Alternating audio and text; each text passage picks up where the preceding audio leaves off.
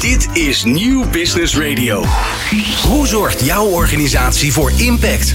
Wat betekenen jullie voor de samenleving? Bedrijven hebben de kracht om maatschappelijke vraagstukken op te lossen. Zo zorgen zij voor winst op alle vlakken.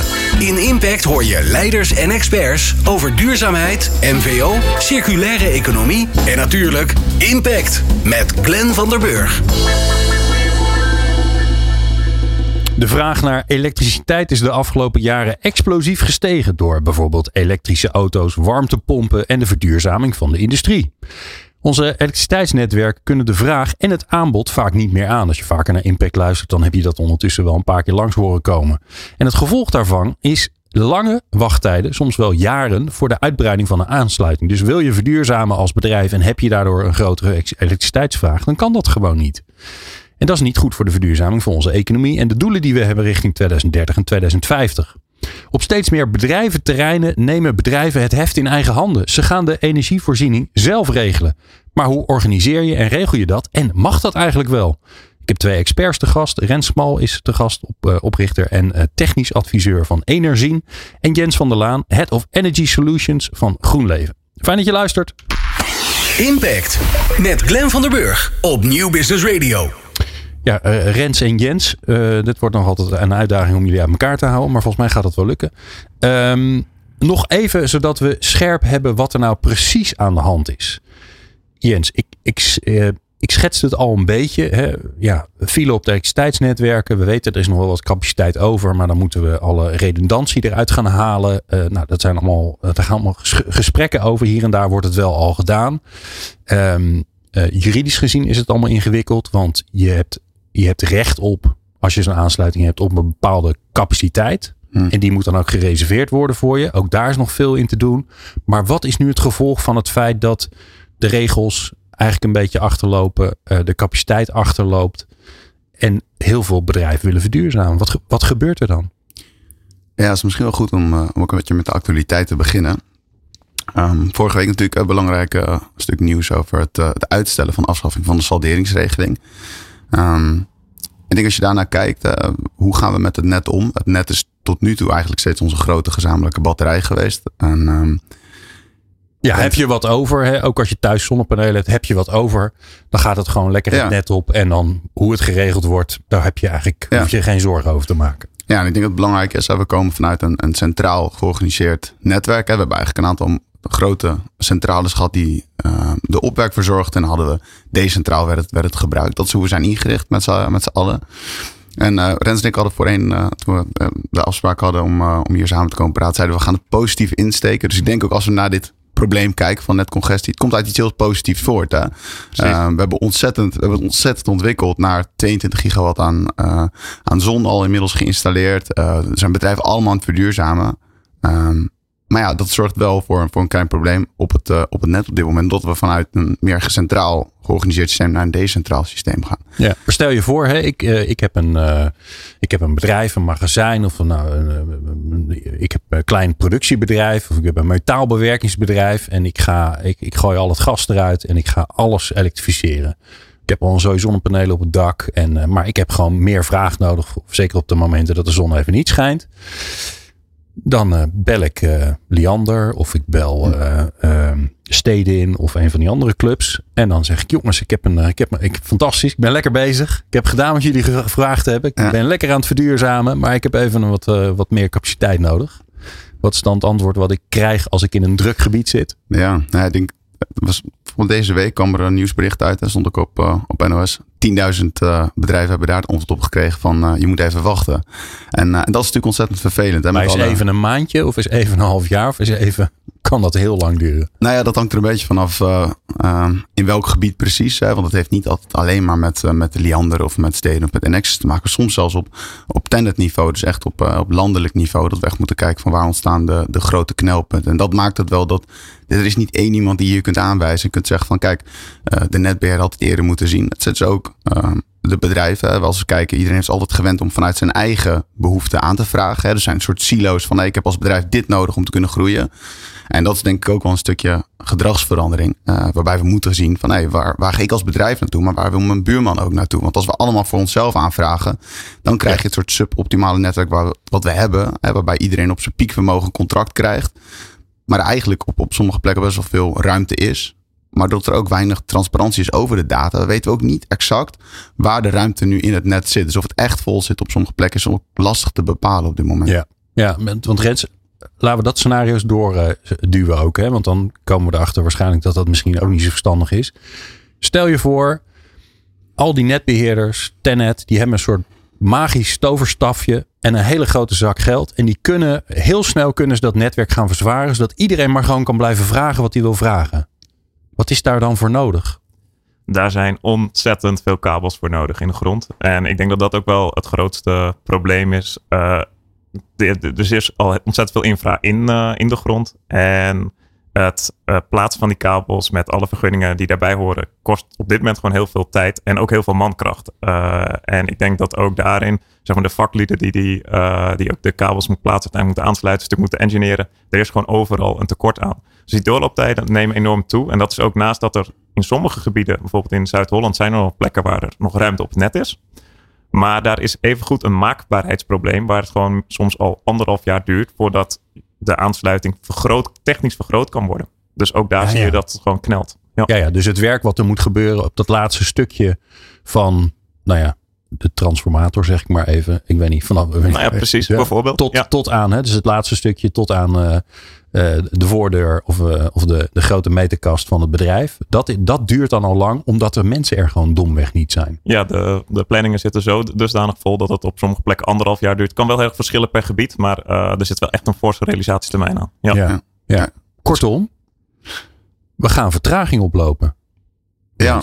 Ja, misschien nog, in het begin stelde je de vraag over um, qua wetgeving ook. We zitten met een oude elektriciteitswet. Ja, we mogen al zeggen oud, hè? 19, ja. uh, uh, 1997, 1998. Hè? Dus het is, het is, een stuk wetgeving wat, wat uh, ook nog echt paste bij die centrale inrichting van ons energienetwerk. En dat betekent dat een hoop dingen nog, nog niet mogelijk zijn. Nou heeft Jette in afgelopen zomer een, een, een, wetsvoorstel ingediend van hey, laten we naar de nieuwe energiewet gaan. maar door val van het kabinet, het huidige formeringsproces, is, is dat ook niet zeker. Dat het idee was dat komt in 2025 dan. Dus je ziet dat dat ook wel op de lange baan. En wat ik, om een beetje naar de positieve kant te gaan ook, wat ik een hele mooie ontwikkeling vind. Ik zie dat de ACM in samenwerking met beheerders al kijkt. Ja, de autoriteit consumentenmarkt, hè, voor iedereen die niet uh, dagelijks daarmee te maken heeft. Ja, dankjewel. Ja, ja inderdaad. Dus um, wat je ziet is dat in stapjes gaan we eigenlijk al wel de goede kant op. Dus er komt al een uh, meer flexibeler netcontract straks. Daar is de ACM al mee bezig met netbeheerders. Dus er komen ja, eigenlijk in stapjes gaan we wel naar die energiewet toe. Maar dat die grote nou ja, renaissance, renovatie van dat, uh, van, die, van dat stuk wetgeving, dat, um, ja, dat, is, dat is ook nog echt wel een, uh, op, ja. op de verre horizon op dit moment. Ja. ja. dus ik hoor jullie eigenlijk zeggen, Rens, je hebt de, de technische kant, hè? dus wat kan er überhaupt bijgemaakt en bijgebouwd worden? Exact. En, hè, dus waar is de ruimte? Waar kan je nog wat doen? Je hebt een beetje de, um, de zekerheidskant. Dus hoeveel ruimte zit er in het netwerk die we nu misschien wel niet gebruiken. Omdat stel je voor dat er ergens een kabel kapot gaat. Dan is er altijd nog een tweede kabel die zorgt dat je wel nog steeds uh, niet in het donker en de kou zit. Precies. Daar, daar zit heel veel in dat, in dat netwerk wat op die manier aangelegd is. Wat natuurlijk fantastisch is. Hè? Want ja, wij zijn natuurlijk bijna niet gewend dat dat de stroom uitvalt. Dat, zijn, dat gebeurt. Als het gebeurt, dan is het nieuws. Ga eens naar een zuidelijk land of naar, uh, naar een leuk eiland in Griekenland. Dan is het elke avond als, iedereen, als alle koelkasten aanslaan, dan, uh, dan, dan gaat daar het licht uit. En het derde is dan de, de wet en regelgeving, omdat sommige dingen gewoon niet kunnen of niet mogen. En op alle drie die vlakken zal er geschakeld moeten worden. En dat gaat alle drie lang duren. Dat is een beetje mijn conclusie.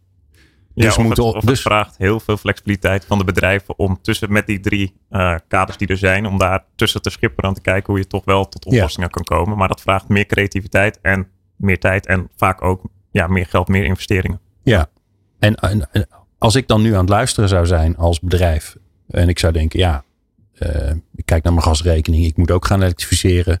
Hm. Eh, los daarvan eh, vragen mijn klanten erom. Los daarvan vind ik het zelf belangrijk voor de toekomst. Dan kan ik me ook voorstellen dat je denkt, nou, wacht nog even een jaartje. Hè, 2024, ik, zie, ik kijk het nog even aan. Maar dat is niet wat wij willen, toch? Absoluut niet. Absoluut niet. Nee, ik denk, sterker nog, ik denk niet, niet wat bedrijven willen. Uh, we kijken eigenlijk naar, naar drie vormen van um, waarom zijn bedrijven hier mee bezig met het stuk verduurzaming um, en elektrificatie. Het gaat eigenlijk in eerste instantie om, ik wil mijn huidige productieprocessen wil ik gewoon door kunnen zetten of kunnen uitbreiden. Een stukje uh, ja, continuïteit van bedrijfsvoering. Ja, als jij niet um, kunt, kunt groeien, je kunt bijvoorbeeld niet die tweede productielijn openen of uh, de stroomprijs is zo hoog. Uh, dat, dat eigenlijk de operationele kosten de pan uitstijgen. Ja, dat, dat is businesscontinuïteit ontzettend belangrijk. Twee, wat we zien bij bedrijven. Stel dat jij een aantal bedrijfswagens met een beveiligingsbedrijf. Ik heb ook laatst met een, uh, een cateraar gesproken. Die heeft twaalf uh, van die Renault Kangoo's rijden. Ja. Dat zijn straks de enige wagentjes die nog die emissievrije zones in mogen. Dus ook, uh, dus mobiliteit ook een hele belangrijke. En de derde die we zien, inderdaad van het gas af. Hè, dat is een ontzettend grote. Ook bedrijven willen liever niet meer met gas verwarmen richting, richting warmtepompen toe. Dus dat zijn drie vormen van opwek. Um, ja, die of eigenlijk verbruiken, die die bedrijven uh, eigenlijk die kant opduwt. En hebben we het nog niet eens over verplichte wetgeving. Ja, energielabel C, de bang-normering, om even een paar uh, buzzwords in de bingo uh, te gooien. Maar dat is wel echt, dit, dit is waar bedrijven ook gewoon last van hebben. Maar tegelijkertijd zien ze ook heel veel kansen. Dus ik denk dat daar nog een hoop gebeuren ja. gaat. Ja. Nou, wij, wij, gaan het over die kansen hebben, maar ook over die praktische oplossingen hebben. Want veel bedrijven in Nederland zitten in, in of op een bedrijventerrein. Op een bedrijventerrein, zeg je ja.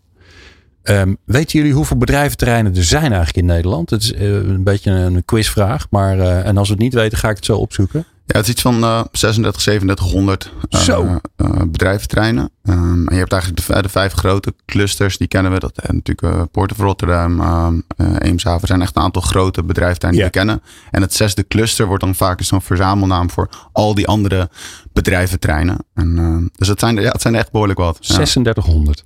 Nou, daar liggen dus grote kansen. En als jij ook op zo'n bedrijventerrein zit, of je denkt, nou, misschien moet ik er maar eens naartoe gaan verhuizen, um, dan gaan we je helpen. En dat hoor je zo. Wat is jouw impact? Met Glenn van der Burg.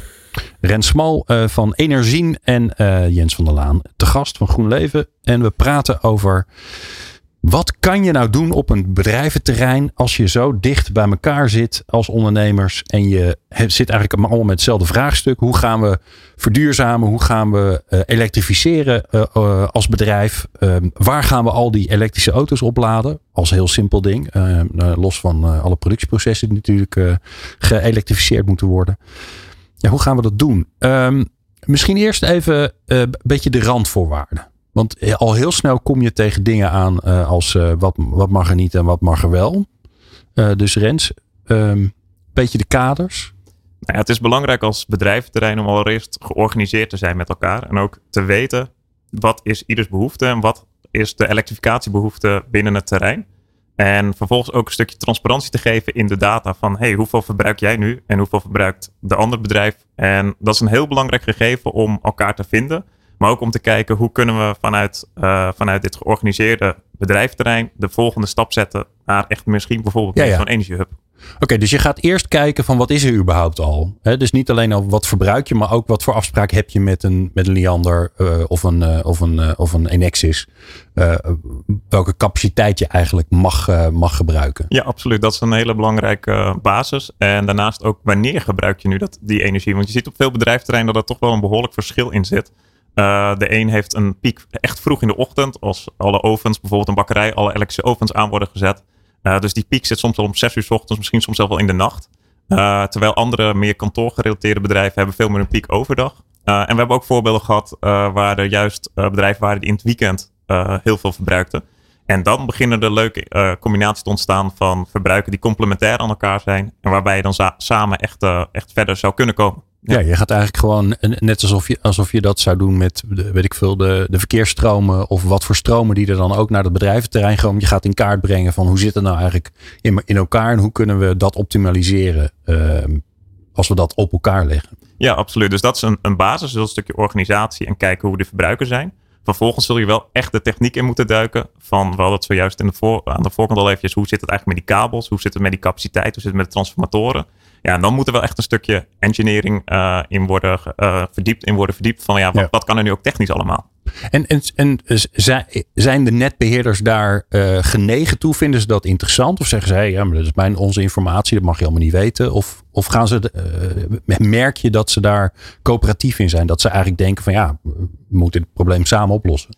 Uh, ze zijn er zeker coöperatief in. Alleen dit, de, deze vormen, dat, dat heet dan een groepstransportovereenkomst. Dit zijn wel nieuwe ontwikkelingen waarin je eigenlijk als bedrijfterrein zegt, in plaats van dat ieder bedrijf zijn eigen uh, overeenkomst met Liander uh, heeft, ga je werken naar een gezamenlijke overeenkomst. Waarbij je met elkaar afspreekt dat je eigenlijk binnen de kaders waarvan Liander zegt: dit is het maximaal mogelijk of dit is wat, wat haalbaar is op deze momenten. Als groep gaat organiseren om daar binnen te blijven. en dat creëert best wel wat mogelijkheden. maar het is wel dus een nieuwe ontwikkeling. En, nou ja, het klinkt alsof dat een iets is wat je kunt, je kunt het afsluiten. Dus eh, blijkbaar is dat een, een contractvorm die is ontstaan. De eerste pilots zijn nu op dit moment gaande.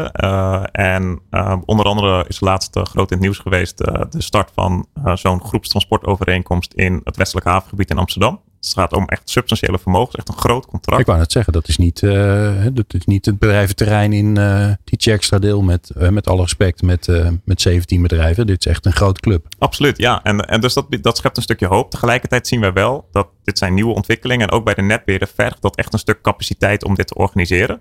Maar we zien wel dat dit van nu van pilot situaties langzaam zal gaan, uh, ja, zich gaat vertalen naar sta, ja, wat standaard contractvormen. En uh, dus wij zien ook veel bedrijfterreinen die zich alvast vooruitlopend op die ontwikkeling gaan organiseren.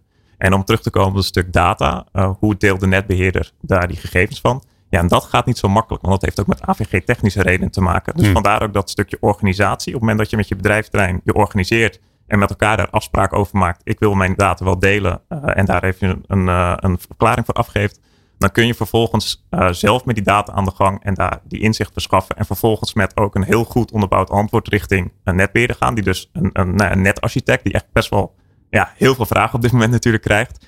met heel goede onderbouwing richting zo'n netarchitect kan gaan van... hey, wij komen met dit initiatief. we zien deze en deze kansen. We hebben het de, via openbare data de netinfrastructuur goed bekeken. Um, zie jij ook wat wij zien en kun jij met ons uh, misschien uh, nou ja, hier tijd voor reserveren om dit te gaan onderzoeken? Dus die medewerking ja. heb je wel echt nodig om tot een concreet uh, voorstel te komen. Ja, dus je eigenlijk ga je ervan uit de, van de technische infrastructuur die er is. Ja. In plaats van dat je denkt, hé, hey, wat hebben we allemaal nodig? Dat tellen we bij elkaar op. En dan zeggen we, hé hey, vrienden, er moet een hele dikke, dikke kabel in de grond. Want dan weet je dat je heel lang moet wachten. Ja. Nu draai je het eigenlijk om. Je gaat, je gaat ervan uit, dit is waar we het mee moeten doen. En hoe kunnen we dat op een slim mogelijke manier gaan gebruiken. Precies. En dan kom je, maar kom je er dan ook achter, uh, daar zit ik me te bedenken Jens, dat je uh, als je zo'n puzzel legt, dat je dan ook veel slimmer kunt kijken. Oké, okay, oké, okay, maar dan, dan, hebben we, dan moeten we eigenlijk uh, binnen dat bedrijventerrein op deze manier met zonnepanelen slimme dingen gaan doen. Dan hebben we dit, dit vraagstuk als we auto's willen gaan laden, want dan hmm. moeten we daar opletten op de pieken en de, de, en de dalen die er zijn. Ja, absoluut. Dat, dat wat we veel zien. Hè. Dus als we kijken naar dit soort cases, ook heel belangrijk om naar morgen te kijken. Dus niet alleen wat is de huidige behoefte. Want je ziet als we uitgaan van nou, wat we nu weten. En dan heb je dingen zoals gezamenlijke laadbehoeften. We zien klanten die de eerste elektrische trucks uh, gaan bestellen. En als dus inderdaad elke klant voor zichzelf een netverzwaring aanvraagt om straks vier van die trucks te kunnen laden. Ja, dat gaat niet passen. Maar een gezamenlijk laadplein kan een hele interessante optie zijn voor, voor bepaalde, uh, bepaalde industrie- en, uh, en. Een gezamenlijk laadplein, oké. Dus dat je dat samen gaat organiseren. Dat je zegt, we hebben die parkeerplaats uh, misschien ergens toch? Ja, ja dus uh, laten we zeggen, je, eigenlijk een soort VVE. Hè? Net als dat je als gezamenlijk VVE uh, met je buurman zegt, hey, dat dak dat lekt, dan moeten we dat niet een keer gaan, gaan oplossen. Kun je ook zeggen van, nee, we weten dat we met z'n allen een laadpaal voor de deur nodig hebben bij ons appartementencomplex. Of in dit geval een bedrijventerrein. Um, alleen zijn ook daar weer een aantal juridische kaders die het natuurlijk lastig maken. Want waar komt dan die aansluiting? Komt die op één iemand zijn naam of gaan ja, die, groep, wordt die dan, die ja. groep bedrijven. Um, en dan inderdaad wat Rent zegt, dat, dat begint heel erg met um, ook een stukje inzicht van wie neemt welk voordeel. En dat zie je toch vaak, eh, uiteindelijk zijn bedrijven, het zijn ondernemers. Dus je hebt het dan toch vaak, wie neemt de voordelen? Wie gaat er uiteindelijk met uh, welk stuk van de koek vandoor? En dat, dat is wel een stuk van als jij zegt, hey, ik heb een inderdaad heel complementair ehm, een transportbedrijf die vertrekt 's ochtends, komt 's avonds pas weer terug. Maar misschien zijn er wel bestelauto's of beveiligers die s'nachts moeten rijden. En die kunnen dan overdag dat, eh, dat plein gaan gebruiken. Maar goed, daar zit je wel weer. Dan kom je zo wel. Wat kan er juridisch? Dus van wie is die aansluiting? Maar ook hoe ga je dat met elkaar verrekenen? En dan kom je ook weer een stukje eh, energiebelasting. Wie gaat dat? Dus dat, dat is absoluut zijn de complexiteiten. Maar wat, wat Rent zegt, wat ik vind bijvoorbeeld ook een, eh, in is een heel mooi ehm, zo'n zo'n voorbeeld van een groepsaansluiting. Waarbij ze inderdaad al die profielen over elkaar hebben gelegd. En uiteindelijk, hey, wat kunnen we nou gezamenlijk daar doen? Er zijn een hele hoop verschillende stakeholders bij betrokken. Want het is inderdaad een complexe puzzel. Maar daar zijn ze nu wel gezamenlijk. Eh, is eigenlijk een soort ja, energie-BV ontstaan van die groep bedrijven. Die gezamenlijk eigenaar is van die extra aansluiting. Oké. Ehm, en wat ik daar een, een interessante toevoeging op vond. Als je ziet wat bedrijven tegenhoudt in dit soort gevallen. Is het verliezen van hun eigen aansluiting. En dus wat als dit mooie pilot mislukt. Uh, sta ik dan met lege handen? Ja, kan ik dan ja. de boel opdoeken? Nou, dat, en daar wordt dan goed over nagedacht. Dat ze denken van oké, je houdt je eigen aansluiting als backup. Hè, maar laten we dit voor een, als, nou, als, als pierenbadje, laten we het gewoon proberen. En hebben we altijd nog ons eigen, eh, ons eigen plekje waar we terug naartoe kunnen. En dat, zijn, dat is precies denk ik de rol die de overheid moet spelen. Je moet een veilige ruimte creëren voor ondernemers om te investeren. Want ondernemers willen investeren, ze willen heel graag vooruit. Je moet die belemmeringen wegnemen. En je moet een stukje, je moet een veilig vangnet creëren. En dat is denk ik eh, de rol die de overheden kunnen spelen in dit soort eh, pilots die echt eh, heel veelbelovend zijn, denk ik. Ja. Ja, Ja. en ik denk ook financieel zitten er misschien ook wel als toevoeging, eh, zitten er financieel ook nog wel wat voordelen in. Op het moment dat je gezamenlijk als bedrijf in nou ja, zo'n batterij kunt, eh, kunt investeren, ehm, ten opzichte van dat iedereen dat afzonderlijk zou doen, Hm. eh, dan kan daar financieel ook nog wel een voordeel in zitten. Omdat Omdat je schaalvoordelen krijgt dan? schaal, maar ook omdat die misschien wat kleiner kan worden uitgevoerd. Anders gaat ieder bedrijf aan zich voor zijn eigen piek gaat die, die batterij, gaat, wordt in die batterij geïnvesteerd en hij wordt nu gewoon veel effectiever gebruikt. Eh, dus dat zijn, dat zijn echt wel voorde- voorbeelden die we naar de toekomst toe waarschijnlijk iets meer zullen gaan, eh, eh, gaan zien. Ja, ja, Ja. misschien, want je, je vroeg net nog over hè, het optimaliseren, optimaliseren van zonnedaken dan ook. Hè. Het gaat ook, laten we ook eerlijk zijn, het gaat ook over duurzaamheid. Hè. Hoe gaan we duurzaam met materialen om? En als elk pand, eh, nou laten we zeggen een paar duizend panelen en elk pand wordt individueel afgeknepen en die stroom bereikt het net vervolgens nooit. Ja, dan, dan is de vraag wat zijn we aan het doen met al die panelen die we erop leggen. Dus uiteindelijk als je als bedrijventerrein gezamenlijk investeert, wat is er mogelijk? Nou, misschien dat zo'n maakindustriebedrijf met gevaarlijke processen onder het dak. Dat die verzekeraar zegt, nou doe, doe maar liever niet, want dan gaat je premie omhoog. Nou, het logistieke dak kan tegen een veel gunstiger, ehm, gunstiger tarief kan hij die panelen erop leggen. Als je dat met elkaar kunt delen, dan kom je natuurlijk uiteindelijk ook in een veel efficiënter gebruik van materialen terecht. En dus Ja. ook een batterij, inderdaad, één gezamenlijke batterij kan natuurlijk ontzettende besparing ook qua, qua materialen. En dat vind ik ook een, een ontzettend belangrijk aspect van het poolen van, van resources in dit geval. Het is wel zo, misschien als toevoeging, dat deze groepstransportovereenkomst is wel echt geënt op eh, capaciteit en vermogens. Dus echt het krijgen van vermogens. En het is niet het energie delen met betrekking tot het verdienmodel. Dus, dus eh, Ja, ja. eh, zeg iemand heeft een groot dak en zegt ik kan tegen een heel laag prijs per kilowattuur aan jou leveren. Dat, dat is niet zo. Iedereen heeft zijn eigen aansluiting. Iedereen betaalt achter zijn aansluiting op zijn eigen, eigen energiemaatschappij. Het is puur geënt op dat stuk capaciteit om daar eh, gezamenlijk oplossingen voor, voor te creëren. Ja, en ik denk zo'n laadplein is bijvoorbeeld een hele mooie. Maar wat, wat wij ook veel in de praktijk zien, is dat vaak de piek, de piek voor overschrijding van de netcapaciteit, bijvoorbeeld maar 100 uur per jaar is. Dat is een relatief beperkte piek. Eh, en er is dus daarnaast nog heel veel ruimte om te kijken, bijvoorbeeld s'nachts naar dat gezamenlijke laadplein. eh, of om eh, in gezamenlijkheid te kijken, goh, wie is nu eigenlijk die piekverbruiker? En hoe kunnen we daar toch met elkaar voor zorgen dat we die piek gaan verlagen? Ja. dat, ja, dat zijn hele interessante gesprekken. We zien daar wel dat bedrijven het heel lastig vinden om als zij een bepaalde piek hebben, om hun bedrijfsprocessen daarop aan te passen. Dus je komt dan toch al snel eerder in de oplossingen van bijvoorbeeld een batterij. Eh, om die piek te verlagen, die dan vervolgens voor het hele terrein mogelijk wat meer eh, capaciteit gaat, eh, gaat creëren. Ja, en ik, ik, hoor je, ik hoor je en twee dingen zeggen, zodat ik het goed snap. Eén, heb je de, ehm, eh, dat groepscontract waarmee je eigenlijk zegt: Oké, dit is de infrastructuur die er ligt. Daar moeten we het voorlopig even mee, mee doen. Ehm, hoe kunnen we dat het best uitnutten? En het tweede is eigenlijk dat je zegt: Oké, dit bedrijventerrein is, eh, is ook een, een energiecentrale. We kunnen energie opwekken, we kunnen energie opslaan. Eh, we kunnen ook gezamenlijk eh, faciliteiten regelen, zoals zo'n zo'n laadplein voor de, voor de auto's en de vrachtwagens daarmee, want het, daar lopen wij zelf eh, in de straat zelfs al tegenaan. Daarmee word je een energieleverancier met alle voor- en nadelen daarvan. Zie, zie jij dan ook, Jens, ontstaan dat het interessant begint te worden om als ehm, eh, bedrijventerrein te zeggen: Oké, ehm, we moeten gewoon een, een energiecoöperatie worden. Dat gaan we met elkaar regelen ehm, op een slimme manier en aan, aan elkaar leveren. Is dat al mogelijk? Of ik weet dat er allerlei pilots ge- ge- gedaan zijn, maar dat is, heet niet voor niks een pilot, omdat het eigenlijk niet mag.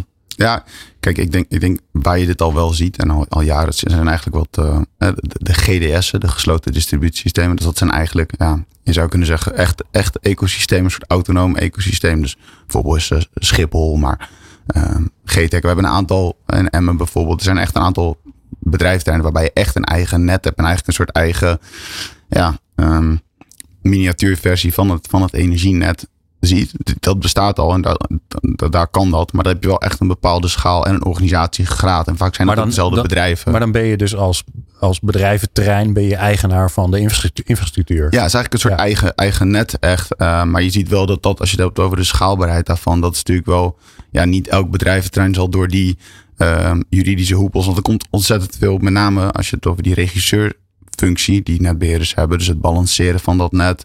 Ja, dat is, dat is wel echt een ontzettende uh, complex ja. vraagstuk om als bedrijventerrein zomaar op te pakken. Dus het is ook wel wat Rent zegt van het verschil tussen ja, een gezamenlijk uh, groepscontract waarin je gewoon afstemt wat je maximale piekverbruik is wel echt iets anders dan echt regisseur op een, uh, op ja. een uh, energiehub zijn. Maar op het moment dat jij, stel je voor, je buurman die heeft een heel groot dak, uh, een, een, relatief weinig energieverbruik. Hm. bij mij is het precies andersom. Hè? Ik heb weinig ruimte, maar wel veel energieverbruik. Dan, dan denk je als ondernemer heel logisch, ja, koop het gewoon bij mijn buurman. Hè? Dat is, hoe ingewikkeld is het? Anders moet het helemaal ver het netwerk op en komt het weer terug. Het moet gewoon rechtstreeks naar mij toe. Maar op het moment dat je de openbare infrastructuur opgaat, dan mag je niet zeggen, oh, maar wij regelen dat zelf wel even. Nee. Ja, toch? Zo simpel precies, is het. Precies, dat is exact uh, eigenlijk het, het, het, voorbeeld. Dus, dus um, eigenlijk ook, ook in zo'n groepscontract, maar ook zoals nu is georganiseerd. Iedereen heeft zijn eigen zijn, zijn kilowattuurmeter. En op het moment dat het langs die kilowattuurmeter gaat, um, is het het openbare net opgegaan. Is het dus ook verkocht op de markt. En natuurkundig gezien is het natuurlijk zo dat jij als buurman gewoon eigenlijk die stroom afneemt. Ja, maar dat is, de bocht om. Ja, het is ja. administratief verkocht op de markt. En jij hebt een ander energiecontract en hebt een andere kilowattuurtje op de markt gekocht. En betaalt ook gewoon die kilowattuurprijs, inclusief dan de energiebelastingen. En daar zit natuurlijk de crux. Um, iedereen heeft die meters, omdat je gewoon ook energiebelasting moet betalen over de uh, afgenomen Ja. energie. Uh, er zijn wel wat creatievere vormen die, die soms worden uh, toegepast, waarbij je zegt: ik ga bijvoorbeeld een groot een zonnepark. Ik ben echt een groot verbruiker. Dus neem even, ik noem even bijvoorbeeld Tata Steel of in je hebt Adel die bijvoorbeeld zegt, of die is bijvoorbeeld bij andere plekken waar je kunt zeggen, ik ga, ik koppel dat zonnepark direct achter mijn aansluiting. Dat heet een directe lijn.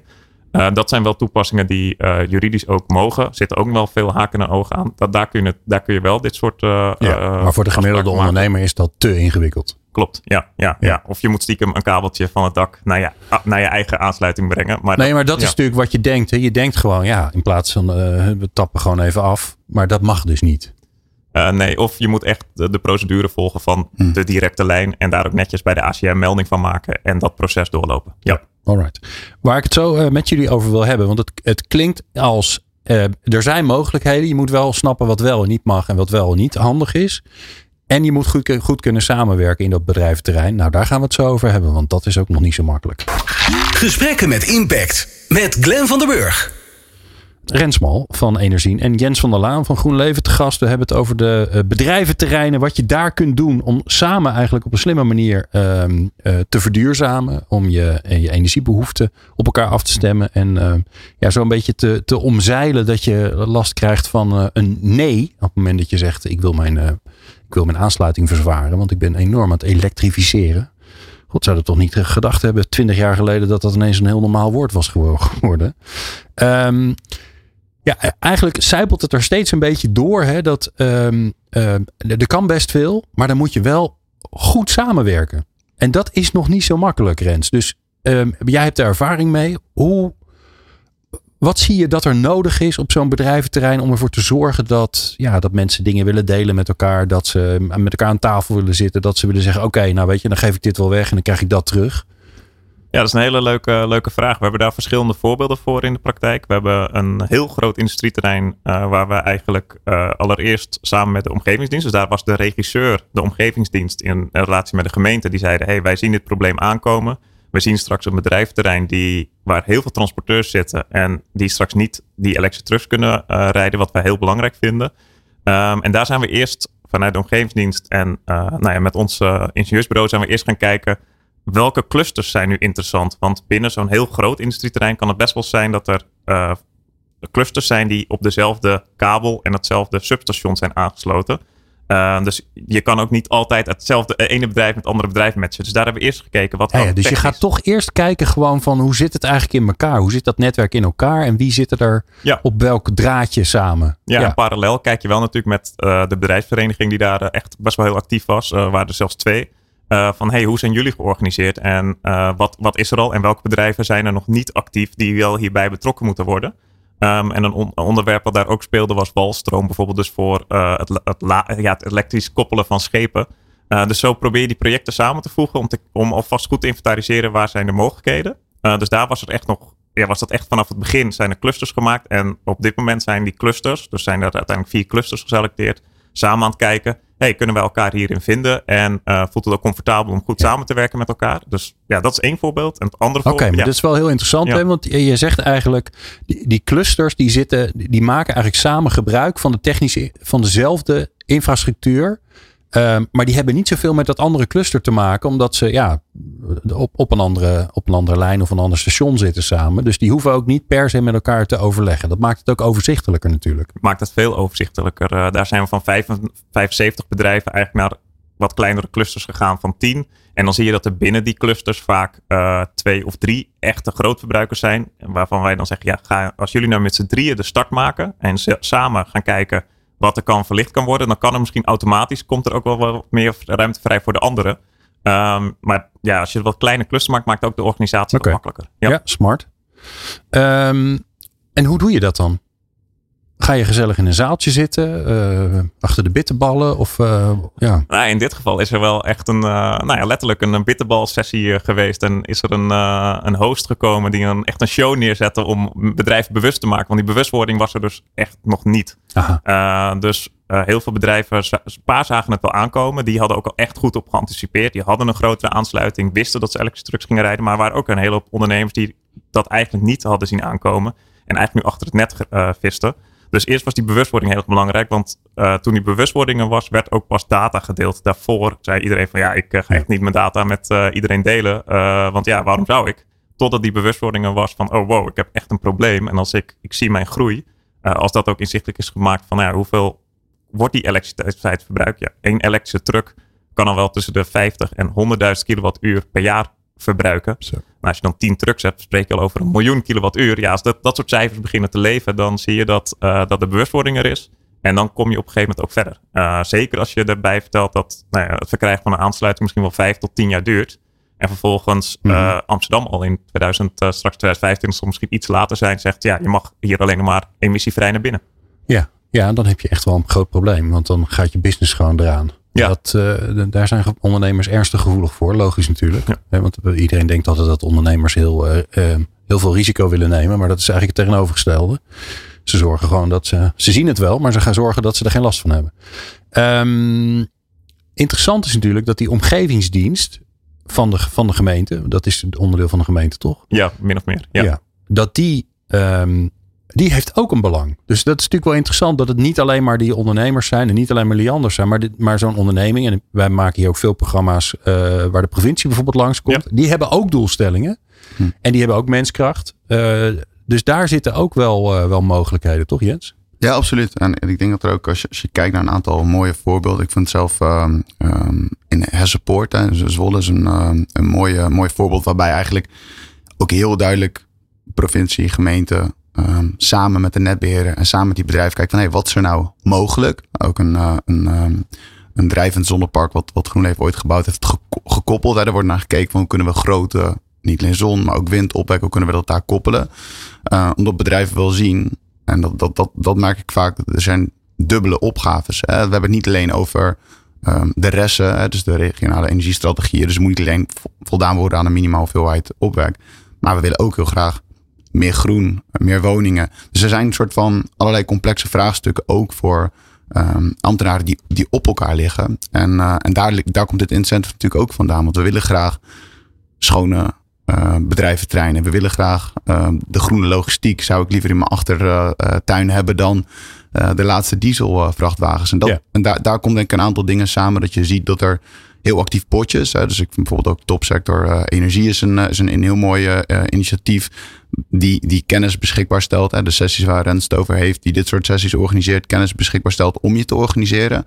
En om goed eh, ook, ook het geld, hè, want laten we zeggen, laten we ook eerlijk zijn, het kost geld om je te organiseren. Het kost geld om. En tijd, ja. Ja, om het te laten engineeren. Om te kijken van, joh, wat zou er nou allemaal gaan kosten om dit over elkaar heen te leggen. En ik denk dat um, in, in veel gevallen overheden daar al een, belangrijke rol in spelen. Maar als je het hebt over ik, een aantal steden Waar bijvoorbeeld dat stukje last mile transportation, waar we het vaak over hebben, dat, dat vrachtwagentje van Picnic of van PostNL die, de, die het stadscentrum in moet.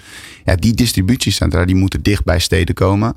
Daarmee creëer je werkgelegenheid, daarmee creëer je economische groei lokaal. Maar dat gaat alleen maar mogelijk zijn als je dus ook uh, dat aansluitvermogen hebt. Dus er ligt, is ook heel veel aan gelegen aan gemeenten en provincies om dit mogelijk te maken. Ja, zeker. En, en er ligt bij, de, bij gemeentes en provincies liggen natuurlijk ook doelstellingen op fijnstof, op, uh, uh, op, het, op nou, stikstof natuurlijk. ook daarvoor geldt, ja, als je wilt transformeren, als je dat soort uitstoot naar beneden wil, wil krijgen, dan zul je wel moeten elektrificeren of op waterstof. Maar dat, daar maken we weer een andere uitzending over. Waarom zit groen leven hierin? Want je zou kunnen zeggen, ja, uh, veel succes allemaal met je bedrijventerreinen. Bel ons maar als je, als je een dak vol wil leggen. Daar zijn wij van. Nou ja, ik denk dat dat precies. Uh, uh, kijk, in de meest simpele vorm gaat het over. We willen met z'n allen die energietransitiedoelen halen. Nou, het bestaansrecht van GroenLeven is. Wij willen ons steentje bijdragen aan die energietransitie. En dat kan alleen maar als er ruimte is om die panelen te leggen. We weten dat politiek, eh, maar ook infrastructuurtechnisch blijft, wordt het steeds lastiger. En dat is precies ook waarom dit soort gesprekken met, uh, met Rens, maar ook met andere marktpartijen heel belangrijk is. Wij kunnen niet die zonnepanelen blijven plaatsen, want als er geen business case is, of als er geen invoering is op het net, dan, dan kunnen we straks gewoon niet verder. Dus om te voorkomen dat we niet alleen knelpunt op het net hebben, maar nog een veel groter knelpunt gaan bereiken met die energietransitie, moeten wij nadenken over waar gaat die stroom naartoe. De tijd van alles invoeren op het net, daar een mooie subsidie tegenover hebben staan. Ja, dat, dat is eigenlijk voorbij. We moeten gaan nadenken over dus geïntegreerde business cases. En dat is precies waarom ik um, het heel belangrijk vind om niet alleen dat stuk opslag, maar ook om ondernemers bewust te maken. Eigenlijk kijk, wat heb je vandaag nodig, wat heb je morgen nodig? En stem daar je business case op af. En dat is een, uh, ja, een heel belangrijk gesprek. En dat is voor GroenLeven natuurlijk, ja, als je het hebt over ons uh, toekomst, uh, essentieel om na te denken over ja, te bouwen wat er, wat er ook echt nodig is. Eigenlijk moet je naar je energievoorziening gaan kijken zoals je naar al je andere materialen gaat kijken, toch? Die koop je in, daar moet je ook over nadenken. Daar moet je ook een soort van voorraad op, op aan. Het wordt veel meer dat je erover na moet denken. En voorheen was het natuurlijk zo, ja, ik moet zorgen dat die, uh, dat die verbinding groot genoeg is. En dan, ja, dan ja, dat wel goed. Exact, en dat dat stukje gedragsverandering. Hè? Wat vroeger ja, schoon water, schone lucht. Uh, ja, ook, maar ook elektriciteit was gewoon een pijpje die kwam naar je bedrijf toe. Uh, maar naarmate we willen elektrificeren, naarmate we aan het groeien zijn, um, ja, is dit gewoon iets waar we heel bewust over na moeten denken. En dan zul je zien dat het eigenlijk van een knelpunt in een kans verandert. Hè? Want dat, dat is waar we het nog niet over hebben gehad. Maar voor bedrijven is dit een investering. Deels natuurlijk om energiekosten te verlagen. Maar we zien ook in heel veel gevallen dat er een heel aantal nieuwe uh, bedrijfsmodellen, verdienmodellen ontstaan. En dus die ongebruikte aansluiting. Oh, wacht, als ik die op een ander moment toch gebruik. Of ik uh, stel inderdaad mijn laadplein aan de buurman beschikbaar die, die een taxibedrijf heeft. Kan daar zomaar een nieuw verdienmodel ontstaan voor een ondernemer. En dat is natuurlijk ook waar het, uh, ja, waar het ontzettend interessant wordt. Ja. ja. Rens, um, ik heb zitten luisteren naar deze aflevering. Ik ben uh, ondernemer. Ik zit op een bedrijventerrein. Um, of ik maakte me al zorgen, of ik begin me nu zorgen te maken maak het eens lekker concreet voor me. Wat kan ik gaan doen? Waar, moet ik beginnen? Want dit is niet mijn dagelijkse kost waar ik me bezig hou. Um, nou, toch, je komt op dat puntje organisatie. Dus um, we zien wel dat, dat een belangrijke rol, een, de gemeente of als er al een bedrijfsvereniging is, de, de, het industrie, industrie, industrieparkmanagement, dat is toch even uh, een begin om te zeggen, dit signaal aan te geven, ik, ik voel de noodzaak, ik wil hier aan gaan werken. Um, en vanaf daar moet wel dat. Maar wie bel ik dan? Moet ik, gaan, moet Liander gaan bellen? Want ja, die hebben het al hartstikke druk. Dus dan weet ik, en, los daarvan kom ik dan waarschijnlijk bij een soort algemene callcenter uit. Ja, dan sta ik een half uur in de wacht. Nou ja, dat is, die rol is nog niet goed gedefinieerd. In sommige gevallen pakken wij als bedrijf de regierol op. Dat we zeggen, nou, wij organiseren, uh, we organiseren die eerste stappen. En kijken wat er technisch met elkaar mogelijk is. Ehm, en vaak zorgen wij dan voor het contact met bijvoorbeeld de provincie die uh, echt wel subsidies beschikbaar heeft. Om te zeggen, nou voor die eerste stappen zijn wij wel bereid om hier uh, subsidies aan te verlenen. Dat is ook wel omdat als een bedrijventerrein georganiseerd is, ook die andere thema's beter aangepakt kunnen worden. Dus je ziet dat daar mogelijkheden voor zijn. En vanaf daar moet echt het balletje gaan rollen. Maar je zegt dus eigenlijk, bijna elk bedrijventerrein heeft wel een vorm van organisatie. Al is het maar dat je eens een keer uh, een borrel of een feestje met elkaar organiseert heb het met elkaar erover en, en bel een club zoals jullie die daarbij kan helpen, die de wegen weet naar uh, de provincie of degene die het belang heeft om dat bedrijventerrein, om daar met de elektrificatie bezig te zijn. Ja, en sterker nog, op een ander industrieterrein was er een ambassadeur, een oud ondernemer, die zei: Nou, ik wil hier de kar wel trekken. Ik vind het een belangrijk thema. Uh, ik ben gepensioneerd, maar ik vind het heel leuk om hier met elkaar aan te werken. Die kent ook heel veel ondernemers daar. Ja, en dan zie je dat je, dat je opeens momentum krijgt, enthousiasme. En dat ook denk ik wel positief houdt van het is niet alleen een probleem, maar zie het ook als kans naar de toekomst toe. Um, en, en, en vooral die, dat positiviteit ook vast te houden. Het kan soms echt wel, je hebt, je hebt tegenslagen in zo'n proces. Het gaat altijd niet makkelijk. Nou, dat zijn ondernemers wel gewend. Nou ja, precies. Dingen gaan vanzelf mis. Als een stip op de horizon maar duidelijk is van hé, hey, we gaan met elkaar die kant op. Dus uh, ja, dat stuk organisatie is belangrijk. En uh, op deze manier, als je ook, uh, dus ja, ondernemers kennen elkaar, als je een, een start maakt, langzaam kom je, kom je verder tot, tot die organisatie. Ja. ja. Jens, wat, wat moeten we gaan doen? Help, help ons, de ondernemers. Ja, nou, ik denk inderdaad, uh, naast met je buren praten, die organiseren, is het toch ook wel um, voor jezelf echt naar de toekomst kijken. Wat komt er op me af? En ik merk wel van eh, de struisvogelmethode, ja, het is in dit geval, er komt qua verduurzamingswetgeving, qua uh, netaansluiting. Het komt allemaal op je af. Hè? Dus maak je er bewust van. Nou, we hadden het net over. Uh, inderdaad, ik denk dat een bedrijf als Energie heel goed kan helpen met dat eerst uh, die behoefte in kaart te brengen. Maar daarbij is het ook belangrijk om te kijken naar zo'n topsector energie. Er zijn heel veel initiatieven vanuit de RVO. eigenlijk het stimuleren van ondernemers en, en, en eigenlijk het helpen om dit, om dit goed in kaart te brengen. Dus er zijn heel veel kennis en initiatieven zijn hiervoor. Maar als ondernemer zelf Um, bedenk ook heel duidelijk waar wil je naartoe. En um, zet een stip op de horizon. Wil ik uh, straks eigenaar zijn van mijn eigen infra? We hebben het al wel veel over gehad. Er zijn eigenlijk twee routes die je kunt bewandelen als bedrijf. Wil je zelf eigenaar zijn van die energieinfrastructuur? Of wil je met een energiebedrijf, dat die de panelen eigen, uh, de eigenaar daarvan is. Maar dat betekent ook dat iemand achter de meter ja, jouw energierekening wel de touwtje in de handen heeft. En als je zegt van als bedrijf, ik wil zelf um, want energie is van eigenlijk iets wat je altijd had. Gaat het naar een kritieke resource, waar je het net over had. Dus het wordt een kritieke resource. Dan is als bedrijf denk ik de vraag, heb je de middelen en de bereidheid om die kritieke resource en wil je meester achter je eigen meter blijven, zoals we vaak wel een beetje zeggen. denk daar heel goed over na. Want we zien bedrijven die hun dak verhuurd hebben, 100% aan het net terugleveren. En nu ligt goedkope stroom op hun dak. Maar ze kunnen er zelf niet bij. en, uh, en, en dat zijn de keuzes die nu gemaakt worden. Zelden met een laadplein. Wordt er een laadplein voor jouw deur ge, ge, gerealiseerd? Nou, misschien mooi, want je hoeft er niet in te investeren. Aan de andere kant, als dat straks vijf jaar lang tegen een commercieel tarief voor je deur geladen moet worden. In plaats van dat je dat zelf onder, uh, uh, onder controle hebt. En ik denk dat daar een vraag heel erg zit voor bedrijven van waar maak je nu die investeringen? En ik weet dat energie voor heel veel bedrijven voelt als een, een OPEX, een operationele kost. Maar denk ook heel goed na, waar wil je wel die diepte-investering maken om toekomstbestendig te zijn? Uh, en dat is samen met je buren praten, maar het is ook met je collega's, uh, met, je, met je mensen praten en kijken van waar willen we gezamenlijk naartoe? En maak er inderdaad een inspirerende energievisie van voor de toekomst van je bedrijf. Ja, ja en dat lijkt me best wel het lastigste, hè? dat je gaat van iets wat er gewoon altijd was. Hè? Net zoals dat je de kraan open doet en er komt water uit. Voor mij kun je het daarmee vergelijken.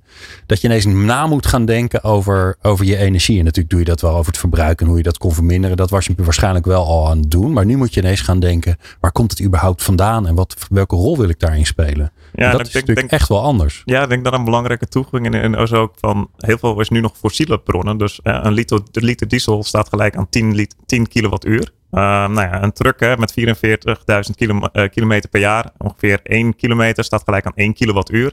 Dus neem dat ook mee in, in die beeldvorm van hey, hoeveel ga ik nu meer verbruiken? Of als ik veel gas als bedrijf verbruik en ik wil dat elektrificeren, 1 kub gas nou, is ook ongeveer 10 kilowattuur als je het één op één vertaalt. Uh, nou, maak eens even die berekening. Wow, ik verbruik nu 200.000 kilo, 2000, 200.000 kub gas. Dat vertaalt zich dus naar uh, 2 miljoen kilowattuur. Uh, wat heb ik daarvoor nodig? 2 hectare zonnedak. Wow, dat is wel echt, echt, echt veel. Ik heb, uh, ik heb maar 2000 vierkante meter. Weet je, zo, zo moet je echt een beetje dat gevoel creëren. Want dan komt ook die bewustwording. En inderdaad, praat ook met collega's die, die misschien nou ja, op een andere manier ernaar kijken. Om gewoon dat beeld langzaam helder te hebben van inderdaad iets wat niet van belang was, naar iets wat echt kritiek wordt. Ja, en misschien nog als. En daarin zien we doorgaans. dus misschien dat je dak al vol ligt. maar ook dingen als een, een zaak als een carport. zijn veel, veel provincies. Provincies uit Holland, Noord-Holland. Waar we heel zien die juist ook die opgave die zij hebben om die regionale energiestrategie. Dus dat waar te maken. Heel veel ondernemers kiezen ook steeds vaker voor een carport. Een stukje zichtbare verduurzaming. Je kan het combineren met je mobiliteit. Dus op het moment dat je ziet, hey, we moeten hier naartoe in de toekomst. Ja, dan kan op zo'n lange termijn een business case al veel sneller uit. Uh, en dan hebben we het ook echt over inderdaad van niet een business case op basis van vandaag de dag. Maar je gaat echt kijken naar van wat heb ik morgen nodig. Ja, en dan kun je, als je er goed over nagedacht hebt, kun je ook veel beter uh, beslissingen nemen over de investeringen. Precies wat jullie zeggen. Er komen heel veel dingen bij elkaar. Uh, verduurzaming, maar ook hoe het allemaal uitziet. Groen, uh, biodiversiteit. Allemaal dingen die op ondernemers afkomen. En als je hmm. daar goed over nadenkt en even, ja, hoe vervelend het ook is, want iedereen heeft hartstikke druk, maar even bij stilstaat. Dan kun je toch slimmere beslissingen nemen dat je dingen in één keer tegelijk doet. In plaats van uh, dat, dat je elke keer weer achter de feiten aanloopt. Ja, ja. Ik vond het een mooi gesprek met jullie, Rens en Jens. Rens Smal hoorde je van Enerzien. meer informatie ga je naar Enerzien Punt nu. Punt nu. Nou, ik, ik wilde al .nl zeggen, maar die was kan waarschijnlijk... Ook, kan ook Oh ja? Ja, ja, oh. .nl, oh, je hebt ze allebei? Ja, allebei. Oh, ja. smart. Uh, en Jens van der Laan van GroenLeven. Ja, .nl hè? Absoluut. En jij dankjewel voor het luisteren. Tot de volgende. Meer afleveringen van Impact vind je op impact.radio. Of via podcastkanalen als Spotify, Duke of Apple Podcast.